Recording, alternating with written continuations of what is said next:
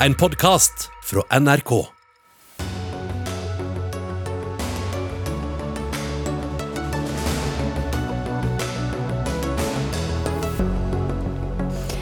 OL-ilden ble tent i Tokyo i dag, for tomme tribuner og med demonstrasjoner utenfor stadion. Lekene burde aldri vært arrangert, mener VG-kommentator. Fabian Stang mener Jonas Gahr Støre trådte over grensa og gjorde 22.07 til partipolitikk i går. Han møter egne partifeller som mener høyresida har et spesielt ansvar for å stå opp mot høyreekstremisme. Taliban hevder nå at de kontrollerer 90% av Afghanistan. Norske styrker er på vei ut, og vi spør forsvarssjefen hva oppnådde vi på de 20 årene vi var der? Og eh, det har aldri vært vanskeligere å komme inn på medisinstudiet. Nå må flere universiteter få tilby utdannelsen, sier Frp. Ja, hjertelig velkommen til eh, fredagens utgave av Dagsnytt 18 med Lilla Sølhusvik i studio. Vi eh, starter med OL i Tokyo, for i dag starta dette hele åpningsseremonien var for eh, folketomme tribuner og i en arrangørby hvor innbyggerne helst skulle sett at lekene aldri ble satt i gang. Lekene er så kontroversielle faktisk at Toyota, som er en av hovedsponsorene, ikke engang ønsker at navnet sitt skal bli forbundet med lekene. De siste dagene har vi hørt at flere OL-utøvere er smitta av korona og ikke kan stille i konkurransene likevel. så da lurer jeg på, Andreas Dabrun Smith, du er reporter i NRK Sporten, og du er med oss fra Tokyo. På hvilken eh, måte ble åpningsseremonien prega av alt dette kaoset som vi har hørt om?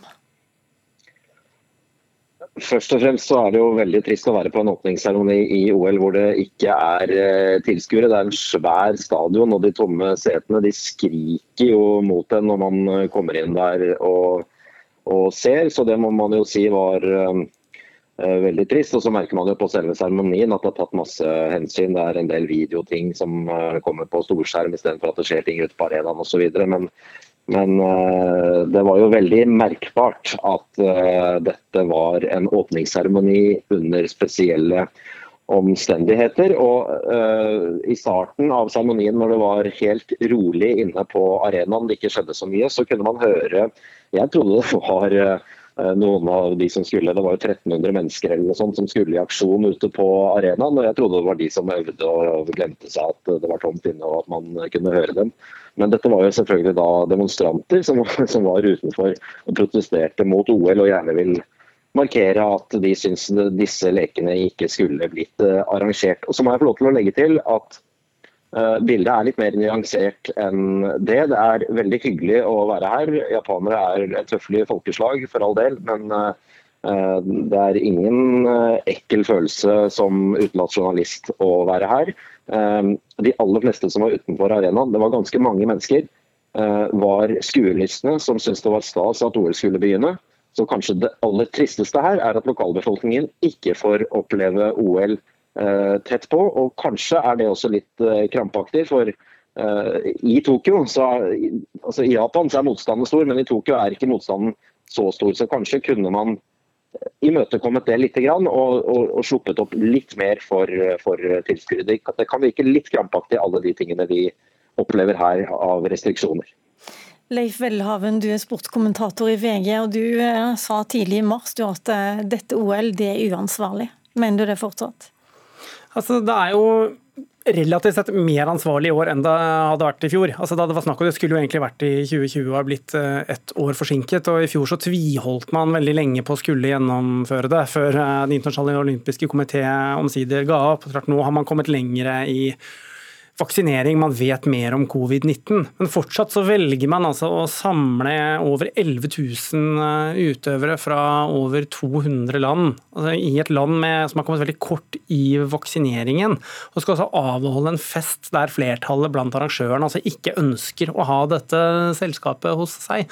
Og Det skaper jo en absurd situasjon. Men altså Avhengig av hvilke tall du legger til grunn, det er alltid vanskelig, så er det et sted mellom muligens mellom 220 og 264 milliarder kroner millioner som altså er lagt ned på den mest pompøse sportsbegivenheten i verden uten folk til stede. Og man, og, men når du ser altså, hvilke, under hvilke restriksjoner alle de som kommer er nødt til å leve under, så koker det ned til liksom et spørsmål hvorfor skal vi ha disse olympiske lekene under de rådende omstendighetene i Japan akkurat nå?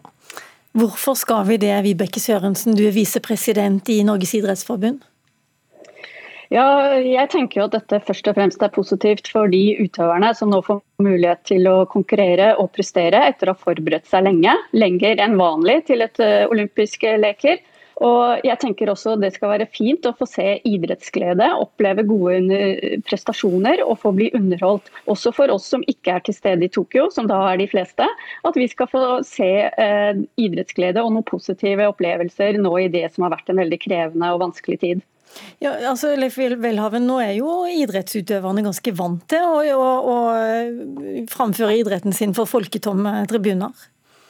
Ja, Det er riktig, og det har vi jo sett eh, gjennom hele pandemiperioden. Og Det er en vanskelig avveining, og det har vært det gjennom hele, altså gjennom hele perioden. Hvor mye risiko skal du, altså skal du ta sett opp mot den gleden du kan skape. Klart det er noe spesielt med altså Vi tenker kanskje her i Norge at man har kommet uh, veldig langt uh, hva gjelder bekjempelsen av pandemien, Eller det er noe spesielt når du samler altså, så mange mennesker fra, altså, fra, så mange land på ett sted, der få personer er, er vaksinert. og Det blir sårbart. altså Det er lagt opp til et system som gjør at liksom hele denne enorme gruppen skal leve helt avsondret fra den uh, japanske lokalbefolkningen. Men det er jo allerede rapportert om brudd på OL-boblen. Det har vært til tilfeller av, eh, av, smitte. Så det er ikke risikofritt, selv om jeg ikke har noe tro på at det blir noe sånn voldsomt uh, smitteutbrudd. Men hva syns du burde gjøres da? Burde, burde Norges idrettsforbund sagt nei, eller burde utøverne bare sagt nei, dette gidder vi ikke være med på?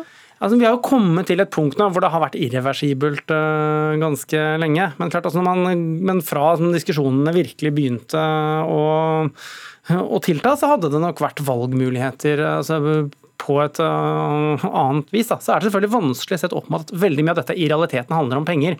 Altså, det olympiske systemet er, uh, altså, har sommer-OL som drivkraft. Altså, du har et helt økosystem som lever av inntektene fra uh, hvor sommer-OL er den klart største bidragsyteren. og klart Forskjellen på å kunne oppfylle en TV-avtale, hvor de fremste midlene kommer inn og ikke kunne det, har, altså, har veldig mye å si. Og da er spørsmålet Hva er reelt økonomi, og hva er der, det der pratet vi stadig får høre om hvordan OL altså skal samle oss alle som sånn fredsbærende kongstanke, når realiteten rundt OL i Tokyo altså så langt er at man splitter i stedet for å samle? Vibeke Sørensen, eh, er det pengene som gjør at dette OL-et må arrangeres, rett og slett for å få inn pengene fra TV-inntektene? Jeg opplever det ikke slik, og nå må vi jo vente og se til hva som blir den endelige økonomien etter at dette OL er eh, arrangert. Jeg er ikke helt inne i de tallene som er nå. Men det er klart at eh, et OL eh, opp gjennom de siste årene har vært kostbart. og Det er jo derfor det også nå er reformer og prosesser på gang for at fremtidige OL skal kunne arrangeres på en, eh, på en billigere og mer økonomisk og hensynsfull måte. Og så har vi jo full respekt og forståelse for at det er kritik, kritiske røster og opplevelser at et OL nå ikke er riktig å arrangere. Samtidig så har vi stor tillit til at myndighetene i Japan, Verdens helseorganisasjon, ikke minst IOC, har gjort gode analyser og forberedelser for at dette arrangementet skal kunne foregå i trygge former. Og vi vet jo også at det er veldig strenge smitteregimer under OL. Og så er det uheldig selvfølgelig at det ikke er publikum til stede, men det er dette måten vi nå har fått muligheten til å gjennomføre et OL på, og for å oppleve den idrettsgleden som jeg tror mange ser fram til, og som vi gleder oss til å se gode norske prestasjoner. Og vi har veldig mange gode norske prestasjoner å se fram til nå. Det skal ja, bli spennende da? å se utøverne våre. Ok, Du kan Nei, få lov til å si jo... det til slutt. Vi har 94 utøvere i Tokyo. Hva skal vi forvente av oss av gull og bronse og sølv? Nei, Det offisielle målet er jo åtte medaljer, det håper jeg at vi skal innfri. Og så håper jeg jo blant de medaljene at vi også skal få noen gull. Vi har en fersk verdensrekordholder som gleder seg til å komme på start. Vi har flere gode løpere i Ingebrigtsen-brødrene. Vi har to håndballag til stede. Vi har roere, og vi har, ja, vi har mange som kan eh, prestere godt. Og vi har veldig mye spennende å se frem til. Og det kan vel du også glede deg til, kort, velhaven Welhaven, til slutt? Ja, det blir eh, gode sportslige prestasjoner. Det jeg tror på. Etter at eh, OL sist i Rio de Janeiro var en stor norsk meter, så tror jeg at det kommer til å gå langt bedre rent sportslig for Norge nå. Og det skal vi klare å glede oss til midt i alle de andre frustrasjonene. Da må jeg si tusen takk og lykke til med de OL-lekene som faktisk er i gang. Leif Welhaven, Vibeke Sørensen og takk også til deg i Tokyo, Andreas Dabrun Smith.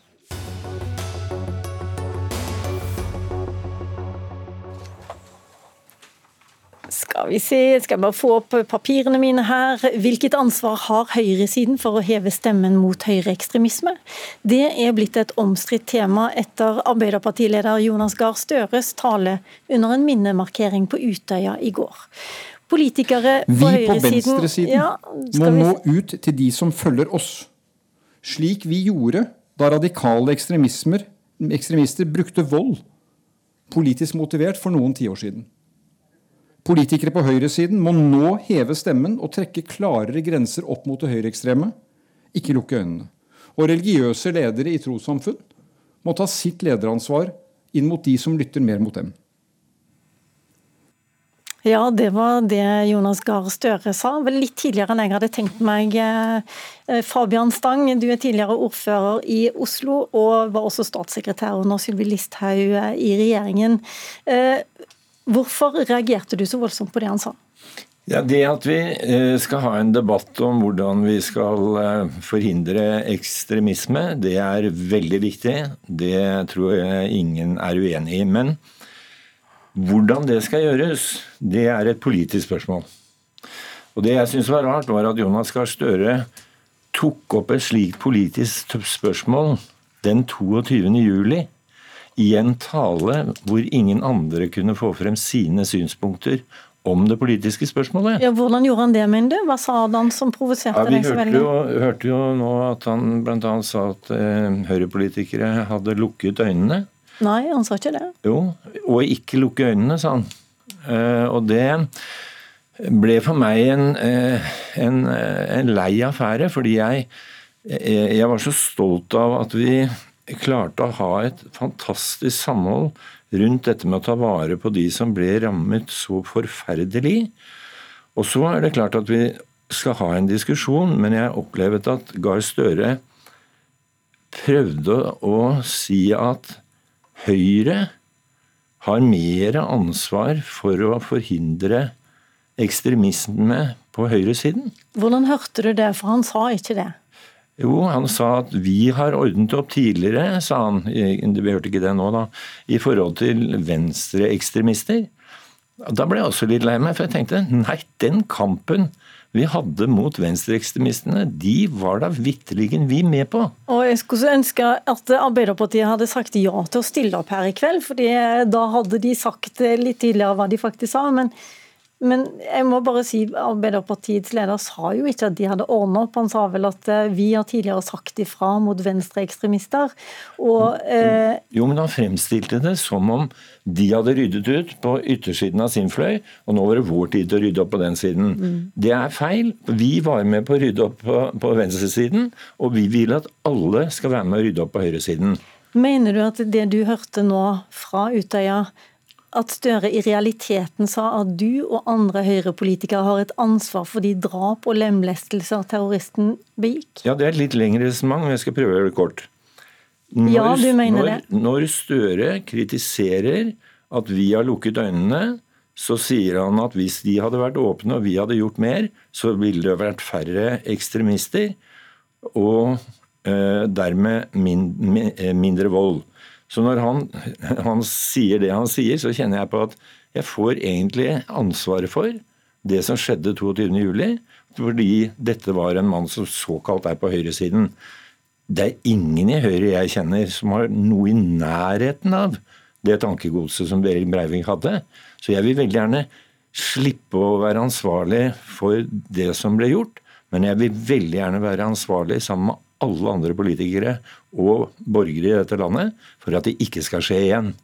Men ikke peke 'nå er det din tur til å rydde opp' på den siden. Det fungerer ikke. Arbeiderpartiet har takka nei til flere invitasjoner fra Dagsnytt 18 i dag. Annet så viser de til at Erna Solberg, Sandra Bruflot, Martine Tybring-Gjedde og flere Høyre-politikere har sagt at de er uenig i det du sier, Fabian Stang. Og En av oss som også har sagt det samme, det er du, Ola Svenneby, leder for Unge Høyre. Hva hørte du Jonas Gahr Støre si i går? Jeg hørte partilederen av det partiet som var målet for terrorangrepet 22.07 komme med sitt syn på hvordan samfunnet i fellesskap skal kunne bekjempe høyreekstremisme. For at vi, selv om at vi skal stå i et fellesskap, at vi skal være et, et slags tverrpolitisk samhold for å bekjempe ekstremisme, det er jeg helt sikker på at Jonas Gahr Støre også mener. Men det er ikke det samme som at alle på alle sider av spektrumet skal gjøre det samme. Fordi For meg så er det helt åpenbart at når Sylvi Listhaug går ut mot rasisme i sine egne kommentarfelt, så har det noe annet å si enn hvis Audun Lysbakken gjør det samme. Det har noe annet å si hvis Audun Lysbakken går ut mot f.eks. negativ sosial kontroll i innvandrermiljøer, enn hvis Sylvi Listhaug gjør det. Så at avsenderne har noe å si, det mener jeg ganske åpenbart. Og at vi har et annet kall det ansvar, annet oppdrag enn venstresiden har, det, det syns jeg er ganske ukontroversielt, og, uh, ukontroversielt å si. Heidi Nordby Lunde, stortingsrepresentant for Høyre. Hvordan reagerte du på de ordene?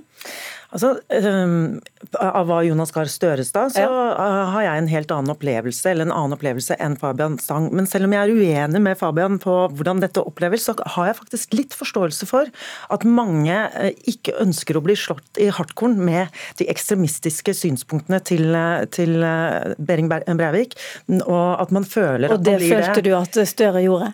Nei, det er nettopp det jeg sier. Jeg følte ikke det. Men jeg, jeg, har litt forståelse for at noen kan føle som at de blir slått i hardkorn med den ekstremistiske ideologien, når det blir etterlyst mer engasjement fra høyresida for å slå ned på uh, ytre høyre. Men på samme måte som noen uh, av og til mener at moderate muslimer må ta avstand fra islamisme, eller at uh, moderate venstresida må ta avstand fra ytre venstre, så mener jeg at det er helt legitimt å etterlyse at nettopp høyresida skal ta avstand fra det som er på ytre høyre. Men ytre høyre for meg har ingenting med mine verdier å gjøre. Eh, de er selve antitesen på alt jeg står for. og Derfor burde det jo være så enkelt for oss å nettopp slå ned på ytre, ytre høyre. Og Har vi ikke vært tydelige nok i den debatten, så syns jeg det er så fint at både AUF og Arbeiderpartiets leder nå etterlyser oss, og da skal vi stille opp, og vi skal levere. Fabian Stang. Ja, det, det, er helt enig i. Det er veldig bra. Uh, og jeg er også enig i at uh, det slår på en annen måte hvis uh, Sylvi Listhaug hadde nær sagt mot formodning skulle, skulle, gjøre det du foreslo. Men, men hvorfor er det så fælt av at Støre sier det? Nei, det, det, er ikke fælt. Men, men, det han sier, er at, at, at høyresiden nå må ta ansvar fordi, og, og nærmest alene. Fordi er det noe, noen gang vi kan lykkes, så er det hvis vi gjør det sammen. men, men unnskyld deg, hørte du, hørte, du det, hørte du det innslaget som vi nettopp hørte?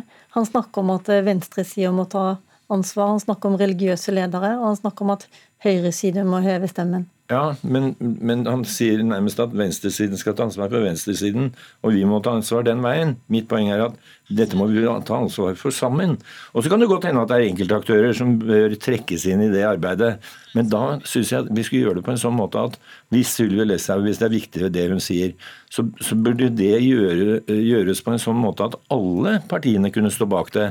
For det, å, å, splitte opp partiene her med å snakke om høyre- og venstreside osv., det syns jeg blir veldig unaturlig. Dette må vi gjøre sammen. Svenneby, det var mange som reagerte sterkt mm. i går etter at eh, Fabian Stang la ut dette på Facebook. Hvordan reagerte du? Ja, Litt på samme måte. Det var egentlig litt absurd. Jeg satt i Oslo Spektrum på tiårsminnemarkeringen og, og leste det. fordi Jeg er helt enig med Fabian Stang at vi skal stå sammen om dette, men da er det en veldig dårlig start å beskylde Arbeiderpartiet for å bruke 22. juli politisk. Det er en dårlig start å etterpå følge opp i VG med å si at man bruker Om ikke ordet 22. juli-kortet ble brukt, så ble det i hvert fall ymtet fram på at det burde man ikke bruke 22. juli til.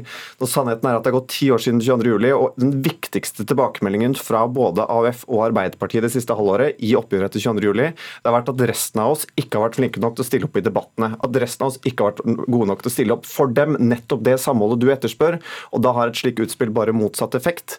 Eh, og jeg skjønner at folk blir forbanna for det, for nå var det faktisk ganske mange ting da, i den debatten som gikk litt i, i, riktig retning. Det er flere av ungdomspartiene som har stått sammen. Det er flere som har liksom erkjent at man ikke har vært gode nok på det. Og da føltes dette at nå ble liksom denne 22. juli-oppgjøret satt litt litt tilbake i tid, og var egentlig der vi, der vi startet.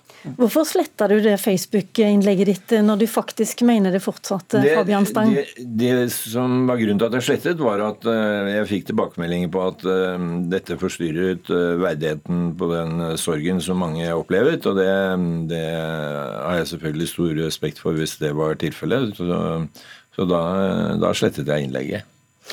Var du helt sikker på at du hadde rett? For jeg skjønner at du leste i VG hva han hadde sett, eller hvor, hvor fikk du det med deg fra? Jeg hørte talen. Du hørte talen, så det var da du reagerte? Ja. Mm. Heidi Nordby Lunde?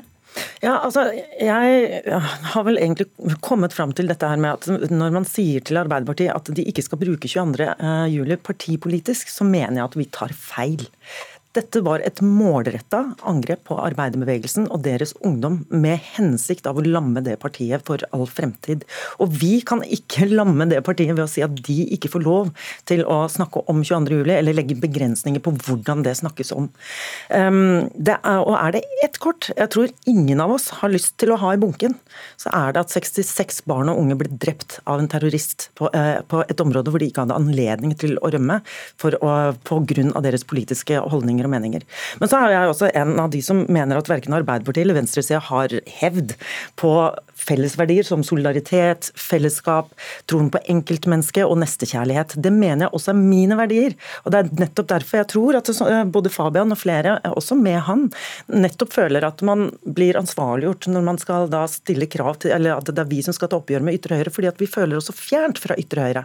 De deler ikke mine verdier, og jeg deler ikke deres. Men, Men sier du to ting samtidig? Jeg blir litt forvirra, for du sier både at du, du skjønner at eh, folk blir såra av den type antydninger, og samtidig så sier du at ja, det er naturlig at man tar avstand på ja, høyresida? Altså hvis jeg er utydelig her, så blir jeg veldig lei meg, for det ønsker jeg virkelig ikke være. Jeg mener at vi har et ansvar for å ta oppgjør med ytre høyre. Men jeg mener at mine verdier, eh, nettopp fordi at mine verdier ikke korresponderer med ytre høyres verdier, eh, men da skjønner jeg også at nettopp fordi at folk føler seg så fjernt fra ytre høyre, så føler de ikke nødvendigvis på det ansvaret, og, og føler seg da ansvarliggjort på en måte som de ikke, som de ikke trives med. Men kan det er vårt ansvar. Kan, kan du være enig Fabian Stang, at høyresiden har et ansvar for å uh, ta avstand fra høyreekstremisme? Ja, så til de grader på lik linje med alle andre politikere og alle andre innbyggere i dette landet. Og hvis AUF-erne De begynner å bli eldre, de òg. Men hvis eh, noen i Arbeiderpartiet har det minste problem med å kunne få lov til å formidle eh, sitt budskap av frykt for hets som de har opplevd, så er jeg villig til å medundertegne med dem på nesten hva som helst, for deres rett til å ytre seg er ukrenkelig.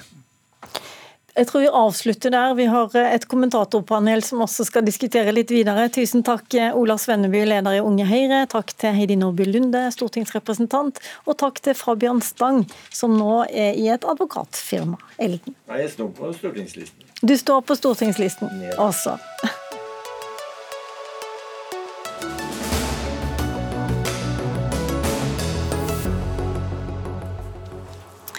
Ja, eh, Berit Aalborg, politisk redaktør i Vårt Land, har kommet inn i studio. Eh, hvor vanskelig er denne saken for partiet Høyre og for høyresiden i norsk politikk?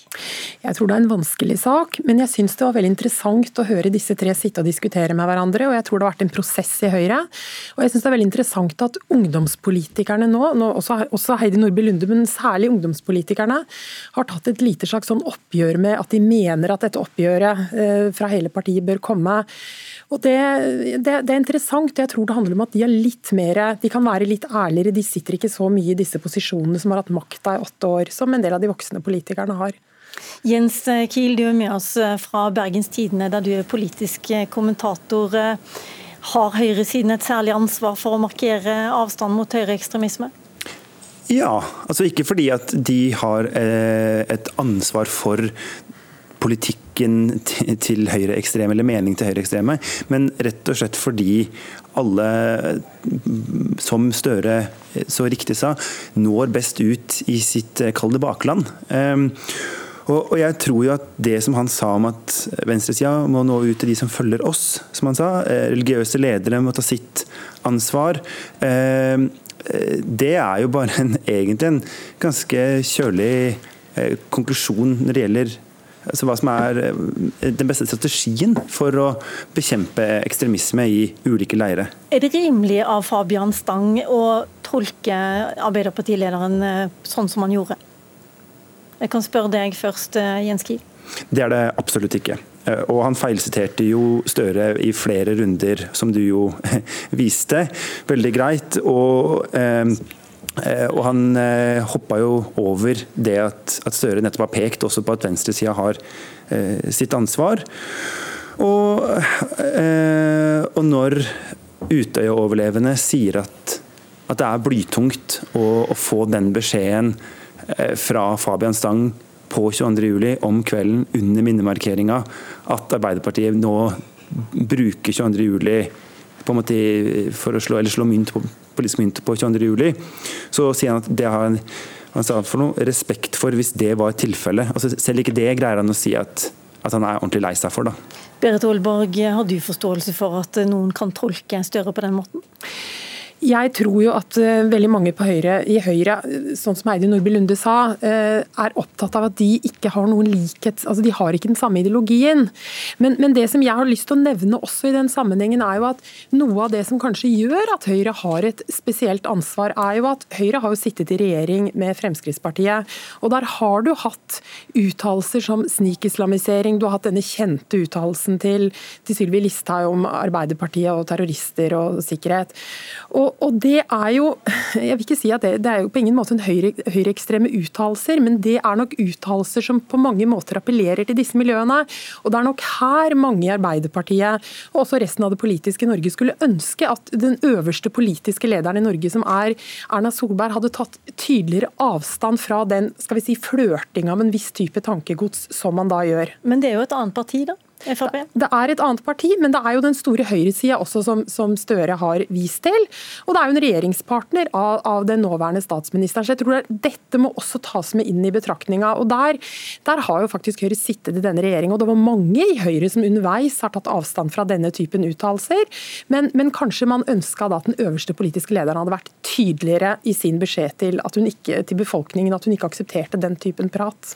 Men er det noe rimelig å anta at venstresida har vært noe flinkere til å ta avstand fra venstresideekstremisme enn høyresida er for å ta avstand fra høyreekstremisme, Jens Kiel? Nå har jo ikke Støre sagt at venstresida har vært flinkere. Uh, sånn at uh, jeg tror ikke vi skal Han har ikke, ikke sagt flinkere, det har han ikke sagt. Men Nei. han har jo sagt at uh, vi, ja. vi, har et ansvar for å ta det oppgjøret. Ja. Absolutt, og jeg tror at det er viktig å ikke gjøre dette til en konkurranse om å være best i klassen, men rett og slett bare tenke på det som Eh, det ansvaret som vi alle har for eh, demokratiet. Men jeg kan jo bruke et eksempel. altså i og med at eh, Jeg har jo hatt, før jeg ble journalist, 15 år som aktivist på venstresida. Og fra min tid i ledelsen Nei til EU, så kjente jo vi veldig på ansvaret for at det finnes mange helt eh, legitime argumenter f.eks. mot å være medlem av EØS. Og så har du de som mener at hvis du er for EØS eller for norsk EU-medlemskap, da er du landssviker. Da svikter du Norges frihet og selvstendighet.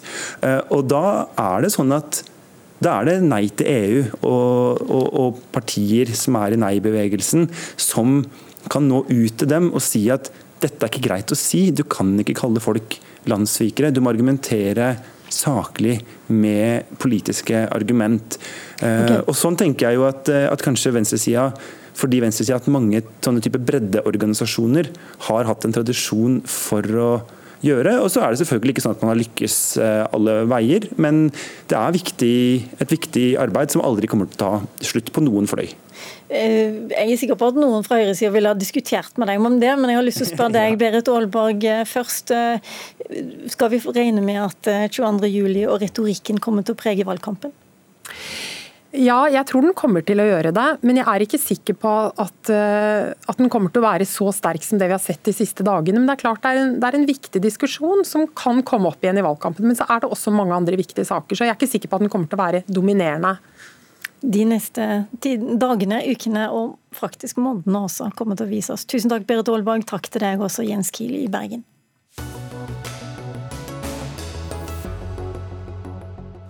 Opptakskravene til høyere utdanning ble publisert i dag. Samtidig som fastlegemangelen øker og Helse Norge skriker etter flere ansatte. øker karaktersnittet for å komme inn på medisinstudiet. På Universitetet i Oslo er snittet skyhøye 62 poeng. Og Henrik Asheim, forsknings- og høyere utdanningsminister fra Høyre. Hva tenker du om at det er så utrolig vanskelig å bli lege i dette landet, samtidig som kommunene skriker etter flere fastleger? Nei, altså Det har jo alltid vært vanskelig å komme inn på medisin. og Paradokset i år er jo at søkertallene er litt lavere faktisk enn hva de var i fjor, som var et enormt rekordår. Allikevel så går snittet opp fordi de som søker har enda høyere karakterer. Så er det klart at Norge, Hvis du ser på Norge øh, ovenfra og ser på OECD-tallene, og sånn, så har jo Norge en ganske høy legetetthet. Ja, de høyeste i OECD. Men vi mangler f.eks. flere fastleger, eh, særlig i distriktene og i Nord-Norge. Og på Vestlandet. Eh, så Derfor så handler det jo på den ene siden om å utdanne flere leger her hjemme i Norge. Det har vi gjort også dette opptaket, hvor vi har laget 80 nye studieplasser på medisin. Eh, og så har vi sagt at vi skal ha en langsiktig strategi om å trappe dette videre opp, til også å utdanne flere her hjemme. Ja, Så du er på vei altså til å løse dette problemet? Ja, definitivt. Det begynte vi med allerede i fjor, faktisk, hvor vi opprettet 80 nye plasser. og Det har vi også gjort på opptaket i år. Da er jeg litt spent på om du egentlig har noe å si, Roy Steffensen. Du er stortingsrepresentant for Fremskrittspartiet. For dette er jo eh, i ferd med å løse seg. Eh, nei, Jeg er jo glad for at han sier at det er en strategi på plass for å få utdannet flere. For det foreslo Fremskrittspartiet i april. Eh, og Da stemte Ap og Senterpartiet og Frp for det, men regjeringen stemte nei til å få på plass en forpliktende opptrappingsplan. Så Grunnen til at det kom en sånn plan, er jo fordi at altså det er jo mot statsråden sin vilje. Men eh, Fremskrittspartiet mener at det blir ikke gjort nok. Eh, fakta er at vi utdanner kun halvparten av de legene vi trenger. Resten er nødt til å tas utdanningen sin i utlandet. Eh, det mener vi er for dårlig. Dette er samfunnskritisk personell som vi bør utdanne mest mulig av sjøl. Derfor har Fremskrittspartiet foreslått i alternativt statsbudsjett foreslo vi 250 nye studieplasser for medisin. Og eh, I april så foreslo vi òg eh, at det skulle bli muligheter for flere studiesteder å utdanne eh, leger, advokater, psykologer og prester.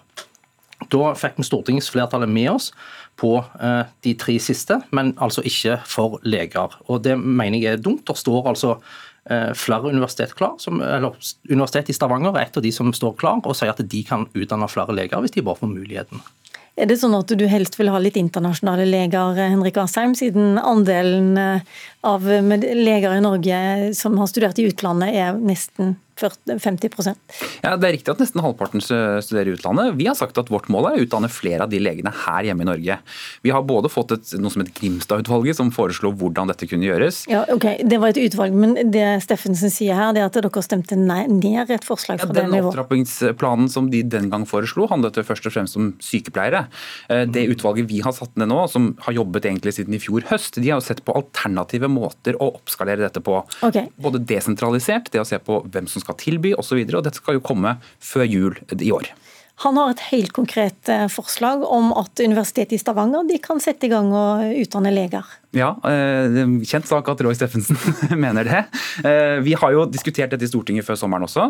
Hvor vi har sagt at vi skal nå, vi har allerede satt oss ned med helseforetakene for å se på hvordan kan vi også sørge for nok klinikkplasser. For det er den viktige delen av utdanningen av leger. Eh, men det er helt klart at Roy Steffensen og Frp er for at Universitetet i Stavanger skal få medisin. Vi har sagt, og det har stortingsflertallet sagt, at vi ønsker å først se om det er kapasitetsbehovet er der. Først og fremst om vi skal oppskalere på de som vi har, eller om vi skal opprette flere på nye universiteter. Torstein Tvedt Solberg, du er stortingsrepresentant fra Arbeiderpartiet, representerer også Rogaland. Mm. Og jeg går ut ifra at du er programforplikta til å si medisinstudiet i Rogaland, Stavanger, det er topp. Ja, altså jeg mener jo, og det mener Arbeiderpartiet òg, at det er veldig viktig at vi utdanner flere eh, medisinstudenter i Norge, som vi i debatten nå allerede har vært eh, inne på. Et samla storting har egentlig ønska at denne regjeringen skal få på plass, sånn at Norge tar et større ansvar for å utdanne de legene vi trenger i Norge. Det har ikke regjeringen fått til. Og det er i dag, det som er mest synd i dag, mener jeg er at vi ser konsekvensen av den treige prosessen som regjeringen har lagt opp til her. Når nesten 5000 søker på legestudiet, ønsker å bli lege, en kompetanse som Norge trenger, men rett og slett for et, de fleste av de for et avslag i posten eh, i dag. Og så er det en svær og omfattende og komplisert prosess å komme i mål med dette. Det er en prosess som regjeringen har ansvar for, og som regjeringen ikke har levert en konklusjon på til Stortinget. Og Ingenting av det Frp og Fremskrittspartiet og Roy Steffensen har foreslått i Stortinget, hadde, hadde løst det direkte. Så jeg oppfordrer jo egentlig Roy Steffensen til å prøve å eh, få avklart denne uenigheten med, med Høyre den tida eh, de har igjen før valget. Steffensen. Ja, først av alt, Han sier at det er en treig prosess. Eh, det samme sa han for så vidt den 7. oktober når eh, statsbudsjettet ble lagt fram. Da kalte han det som regjeringen la fram et mageplask. Mm. At, det det, nødvendig, det var nødvendig at, det var nødvendig, at det var nødvendig å ta grep, og han, fordi at Universitetet i Stavanger sto klar.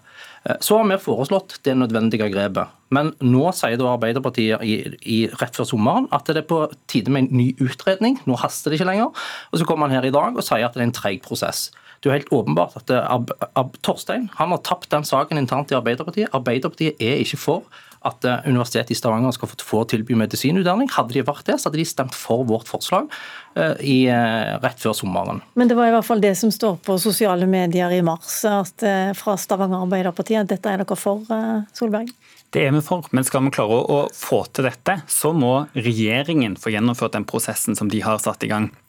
Det Steffensen her viser til, er at han i Stortinget har foreslått å endre gradsforskriften.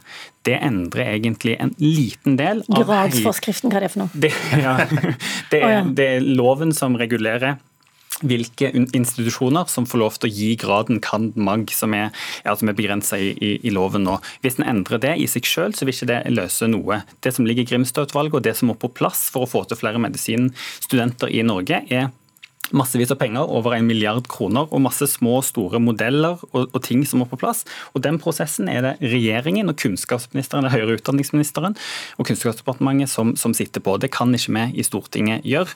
Og Stortinget mangler ennå å få høyreregjeringens konklusjon på Grimstad-valget som kom i 2019. Okay. Og det da mener jeg gir for lang tid. Da tror jeg Asheim må forklare oss hvorfor det har tatt så uendelig lang tid. Ja, Det har det ikke gjort.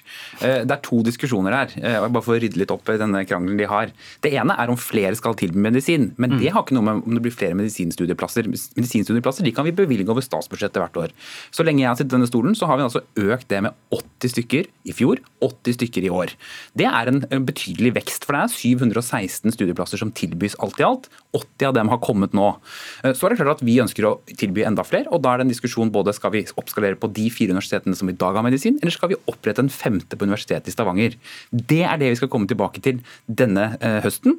Eh, og det fikk vi støtte fra Arbeiderpartiet og Fremskrittspartiet eh, på i Stortinget. Mm, og så er det ikke sikkert at det er du som skal komme tilbake igjen til det, for det er noe valg imens. Men takk for at du stilte her, Henrik Asheim, forsknings- og høyere utdanningsminister. Takk Torstein Tvedt Solberg fra Arbeiderpartiet og Roy Steffensen fra Frp.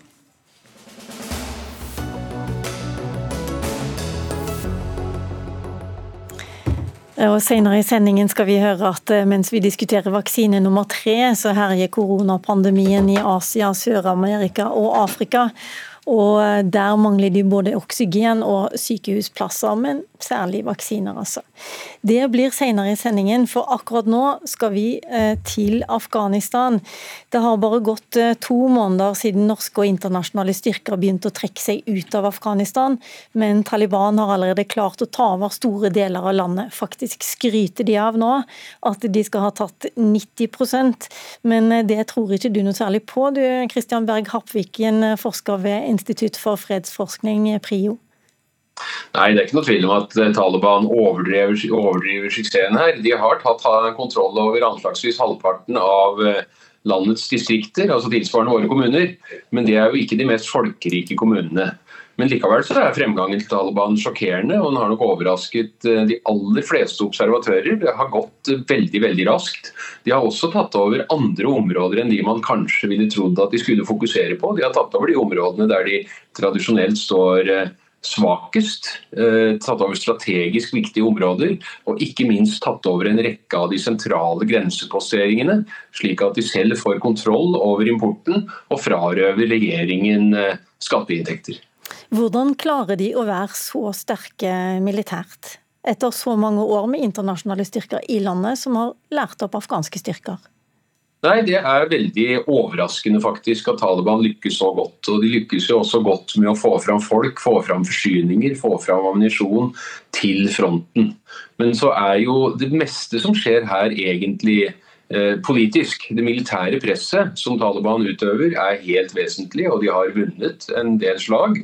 Men de bruker eh, det militære overtaket til å presse fram lokale avtaler med de som bemanner en lokal militærpost, en eh, lokal politipost. De får valget mellom å legge ned våpnene eller å bli eh, sittende til Talibans vrede rammer de. Og Veldig ofte så ender det opp med en lokal avtale, og så kan Taliban ta over makten uten at eh, så mange skudd er eh, løsnet på akkurat eh, den lokaliteten.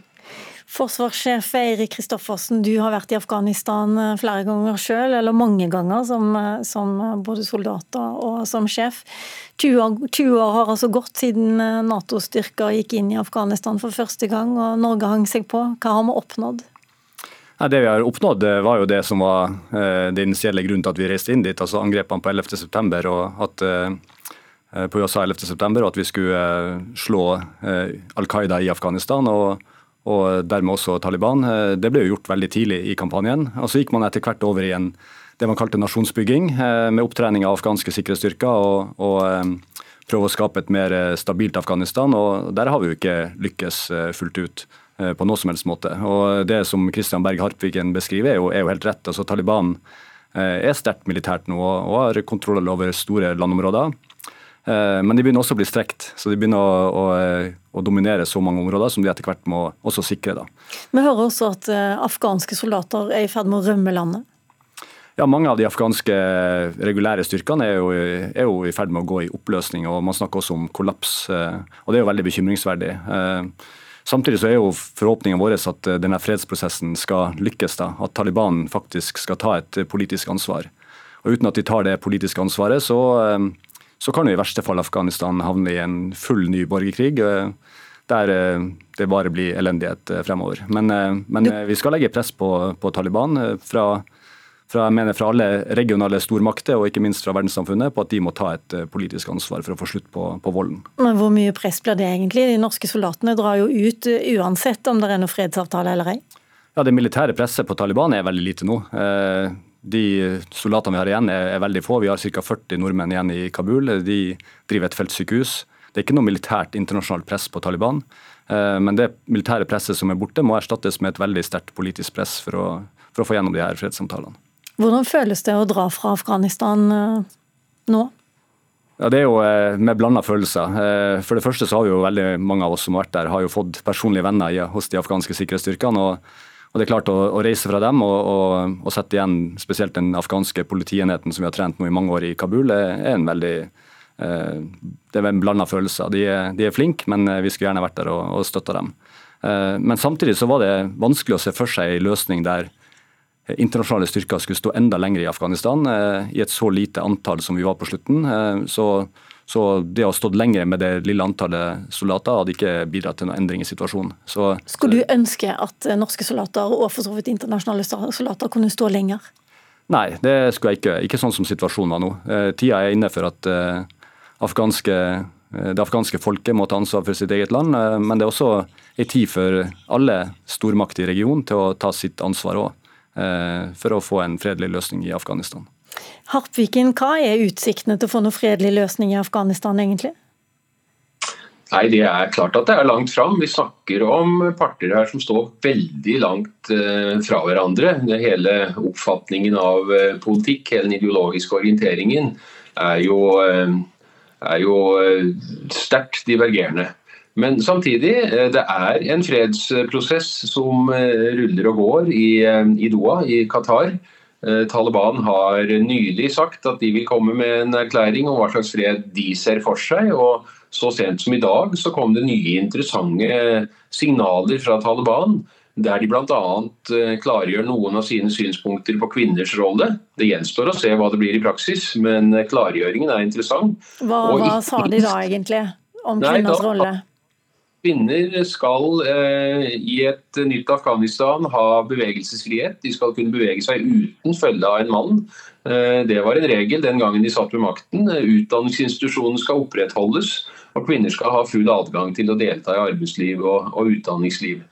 Eh, det er langt fra det vi ser i de områdene Taliban kontrollerer i dag, så det er verdt å notere seg. Men det andre Taliban sier, som er minst like interessant, er at de innser at de kan ikke ta makten alene.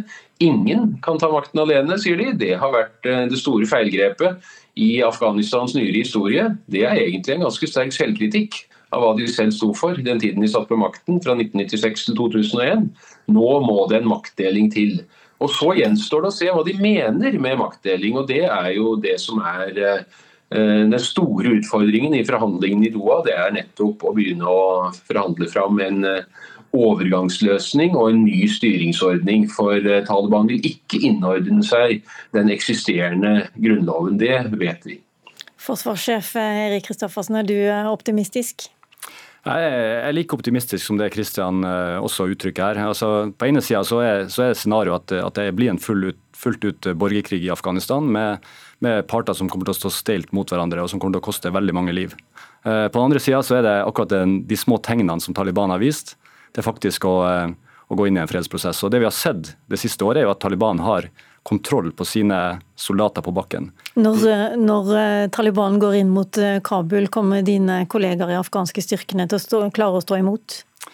De kommer til å eh, gjøre sitt beste, på samme måte som de vestlige soldatene har gjort sitt beste i mange mange år. Det er jeg overbevist om. Og Så gjenstår det å se hvor langt Taliban kommer til å gå.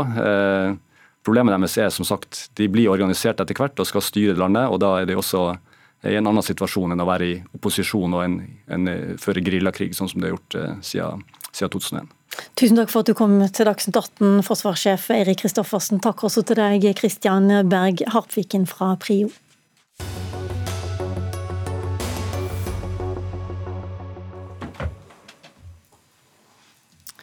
Jeg glusser litt med alle papirene mine i dag, som er bare digitale. Det er derfor jeg sitter her og klikker og klikker og klikker. Men velkommen i studio til nye gjester. I lang tid så har vi hørt om hvordan eh, koronapandemien rammer India, og at en rekke sykehus har slitt med oksygenmangel. Pandemien og oksygenmangel rammer nå mange land i Sørøst-Asia og i Afrika. Står også vaksinasjonen i stampe. Samtidig så hører vi her hjemme at eh, det diskuteres å vaksinere barn, eller i hvert fall ungdommer. Og Erlend Grønningen, lege i Leger uten grenser. Ny forskning viser at koronarelaterte dødsfall i India kan ha bikka fire millioner. Hvor alvorlig er situasjonen nå i både i India og resten av Sørøst-Asia? Ja, Det er jo dramatisk. Og så er det jo dette med direkte koronarelaterte dødsfall, altså de som dør av, av covid-19. Uh, eh, like alvorlig er kanskje dette med kollaps av helsevesen, kollaps av infrastruktur, hvor da Eh, kanskje banale ting som en lungebetennelse eller en, et barn med dehydrering som har behov for eh, oppvæsking, da kanskje ikke får plass på sykehusene. Så ikke bare ser vi nå eh, dramatiske dødstall tall angående korona, men også eh, tall som eh, avdekker at det foregår nå i skyggen. Vi ser jo bl.a. at Sør-Afrika, der fikk vi tall nå nylig om at Eh, gjennomsnittlig forventet levealder har gått ned for menn med ca. 3,1 eh, år, og for kvinner rett i underkant av fire år. Jon Arne Røttingen, du er global helseambassadør for Norge og representerer regjeringen i internasjonalt helsearbeid. Du jobber jo fulltid nå med å skaffe vaksiner til mange av disse landene som trenger det. Hvordan går det egentlig? Det går framover, men det går for langsomt. Eh, og Hovedutfordringen er jo at behovene i verden er så utrolig mye større eh, enn hva produksjonskapasiteten er. Eh, så Det betyr at det er rett og slett en kamp om hvor bør et begrenset antall vaksiner fordeles først, og hvor raskt kan vi få opp produksjonskapasiteten. Og Hvor Også, henger det mest nå? Ja, Det henger nå helt klart mest i lavinntektslandene. Det henger i Afrika og ja, deler av Asia, kanskje primært. Eh, eh, I Afrika så har nå under, fortsatt under 2% av befolkningen eh, fått en første vaksine.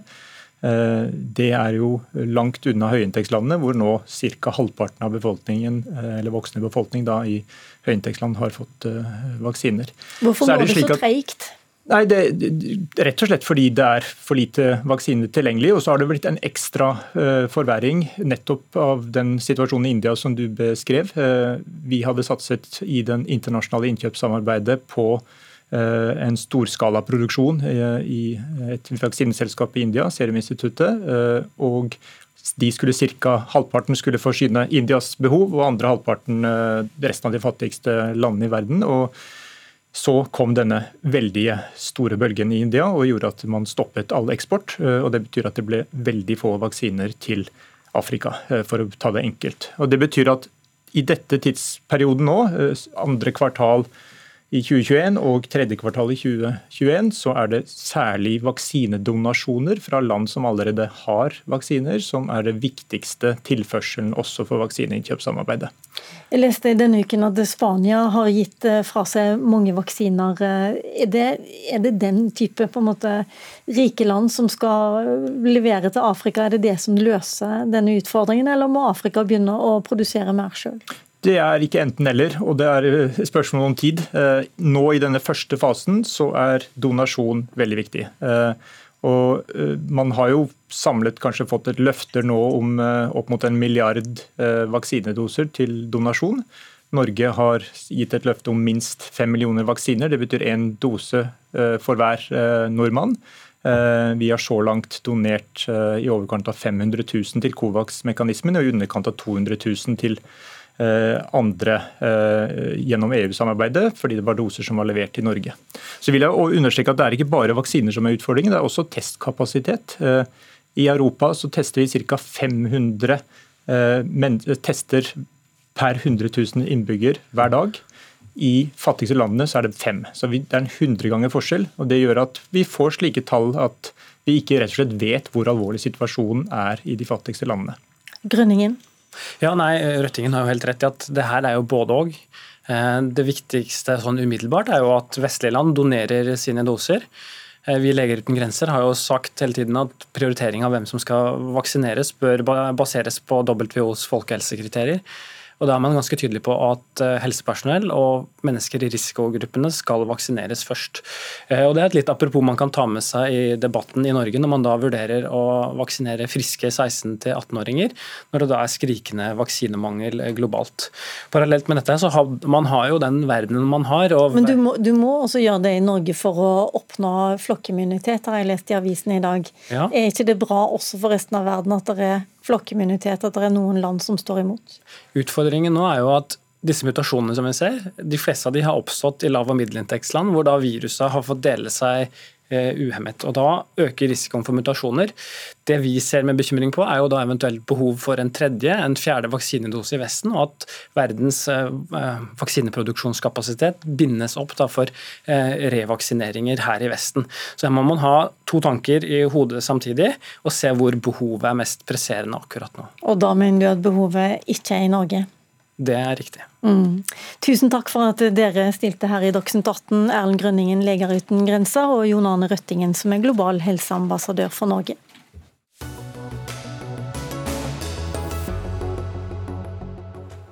Og her hjemme har vi eh, virkelig våre egne utfordringer, som er noe helt annet enn å skrike på, eh, på oksygen. For i skjærgården så dupper båtene, og båtfolket nipper til glasset. De tøffer av gårde inn i solnedgangen, og gjerne med en lett promille. Kristelig Folkeparti vil ha en slutt på båtpilsen, og vil senke promillegrensen til sjøs til 0,2, akkurat som for bil. I dag er det altså lov å føre en båt opp til 15 meter med 0,8 i promille. Hadle Rasmus Bjuland, stortingskandidat i Rogaland fra KrF. Hvorfor skal ikke folk få lov til å ta én øl før de tar seg en båttur? Det handler jo om trafikksikkerhet på sjøen. Eh, og så er det sånn at eh, I fjor så var det halvparten av alle, alle båtulykkene på sjøen. Da var det alkohol og rus inne i bildet. Og da når, For en rapport for noen år siden så viste det at 12 av 13 høringsinstanser til den rapporten, altså det var eh, folke, det var politiet, det var eh, mange ulike instanser som viser til at det var, ville være skadelig med for høy promillegrense. De ønska, var enige med KrF, sette ned, sett ned promillegrensa. Og når vi da i Norge har en, altså Europa Europa har en mye strengere alkohollovgivning på promillegrenser til sjøs enn i Norge, syns jeg det er veldig spesielt når Frp nå tar til orde for å eh, fortsatt bevare dagens promillegrense, og ikke støtte KrF på å senke den. Du har allerede introdusert eh, Frp, og det er Bård Hoksrud som skal forsvare dagens promillegrenser. Hvorfor gjør du det, Hoksrud? Nei, Det er for det første fordi at eh, KrF var med i fjor og stemte for at den fortsatt skulle være 0,8, eh, som den er i dag. Og så er det viktig å ha med seg at de aller fleste ulykkene på sjøen, er, og der hvor rus er involvert, så er det ofte langt høyere enn dette her. Og så er det jo greit å se litt hva man har gjort andre steder, da. Og da er det greit å ha med seg at i Skottland så reduserte de fra 0,8 til 0,5. Eh, og realiteten var at det medførte omtrent ingen færre ulykker, fordi de gjorde ingen andre tiltak. Og For Fremskrittspartiet så er det mye viktigere å ha holdningsskapende arbeid eh, opp mot folk, og det har vi hatt. og Det har også vist at vi har fått redusert ulykkene. Det handler om å ha mer politi på sjøen. Det klarte vi å få regjeringa med på. Fremskrittspartiet fikk gjennomslag for to nye politibåter. Én i i Bærum og én i Agder. Ja, nå er du du på vei litt et annet sted, jeg. Nei, nei. Jeg har lyst til å bare ta fatt på det første argumentet ditt. Der. For det var litt interessant da, at de som faktisk blir skada på sjøen og har promille, de har mye høyere promille enn dagens eh, promillegrense. Ja, jeg tenker jo det handler nettopp, Da skal vi nettopp gjøre noe med det. Da trenger vi nettopp et lovverk som strammer inn og sørger for at vi har et lovverk som òg skaper holdninger. Det tror jeg. For jeg håper jo da at hvis vi velger å stramme inn lovgivningen, så vil det òg føre til at terskelen blir enda høyere for noen som setter seg bak rattet med promille. Hvorfor skal det bli det, egentlig? Fordi at det handler om at vi skal ha et lovverk som skaper holdninger. Så syns jeg det er veldig urovekkende å sitte her og høre på Frp. At eh, jeg lurer på hva det Frp har skjønt, når resten av Europa har en strengere lovgivning enn oss, og når flere av de, eh, de ulike Politidirektoratet, politiet, Folkehelseinstituttet sier at senk promillegrensa. Da lurer jeg på hva er det Bård har skjønt, som ikke vi andre har skjønt. For, for meg så går ikke dette opp når vi har en promillegrense i dag på 0,2, og så er det på sjøen til 0,8. Jeg forstår ikke hvorfor han mener at det skal være mer OK å kjøre full på sjøen enn å kjøre på land. Det er litt enklere å huske på hvis det er samme grense både til lands og til vanns, eh, Hoksrud? Nei, men det handler, det handler jo ikke om dette. Det er noe helt annet å være på sjøen, og det er også mange båter som går veldig sakte og rolig, og det handler om én øl eller et glass vin eh, til maten, og så kan man fortsatt være på sjøen. Det er noe helt annet å kjøre på sjøen enn det det er å gjøre det på land. Og så mener jeg også at KrF bommer jo totalt, og jeg mener at han burde lese stortingsmelding 30 som regjeringa la fram, som KrF var med på eh, å legge fram, som er veldig tydelig på det stikk motsatte argumentasjonen til Kristelig Folkeparti. Den viser også at eh, sannsynligheten er veldig liten for det. Eh, og det er altså sånn at Rapporten sier at eh, det er grunn til å tro at det hovedsakelig er promille over 0,8 promille som representerer en fare, altså langt over. Og det som er over den grensa man allerede har der i dag. Og ute hos folk så er det sånn at de fleste oppfører seg og følger følger de reglene som okay. er der, heldigvis. Og det syns jeg er kjempebra. Men det er helt tullete, og, det må være lov å mene at Og jeg mener det er fornuftig å ha den, den promillegrensa som vi faktisk har i dag. Bjuland. Nei, altså jeg må jo bare si at Frp har jo null troverdighet når det kommer til trafikksikkerhet. Dette er jo snakk om, Når de snakker om alkoholpolitikk, så snakker de om mer alkohol og billigere alkohol. Eh, med hver ledige stund når Bård og gjengen får ordet, så snakker de om øl og alkohol på bensinstasjoner, noe som er å be om promillekjøring. Dette er jo bare tull det du sier nå. Det er trygt på sjøen, vi skal ha trygt på sjøen. Og vi har fremmet representantforslag i 2018 nettopp på denne saken. Og så kommer vi til å kjempe videre neste stortingsperiode for å sørge for at vi får stramt inn den promillegrensa ned til 0,2 sånn at vi likestiller med bil, og sånn at det er trygt å ferdes på sjøen for ungene, for familiene og for alle som er på sjøen. Det, det er kan, du, kan, du, i det minste gå med på Hoksrud og ha litt strengere grenser for disse her ribbene som eh, farter rundt i 40 knop? Ja, Der er det jo nå eh, høy, altså sånn hastighetssertifikat som kommer. Men jeg mener jo det aller viktigste det handler om holdningsskapende arbeid. Det handler om mer politi. For det hjelper ikke å stramme inn. og Det er det som er problemet med Kristelig Folkeparti alltid. Man skal liksom gjøre det vanskelig, man skal stramme inn og skal ha regler og alt mulig, men da må du kunne følge opp. Og Det var det den studien fra Skottland visste, og det er det også Havarikommisjonen sier. At det er altså langt høyere promille som er utfordringa. 1,7 var på de ulykkene som Havarikommisjonen gikk gjennom i 2018. så var gjennomsnittspromillen 1,7 på der ulykkene var, og 1,4 på båt. Det viser altså at det er langs stranda, langs eh, sjøen, at eh, dessverre mange av disse ulykkene skjer. Men, Men Fremskrittspartiet som... er mye mer opptatt av at la oss bruke de tiltakene som virker. og Da må vi sørge for å sette inn det andre som jeg sa. Mer politi, det er bra. Eh, det gjør man nå. Det er jo bare å ha et, et paradoks er at på Mjøsa så er det 12 000 båter.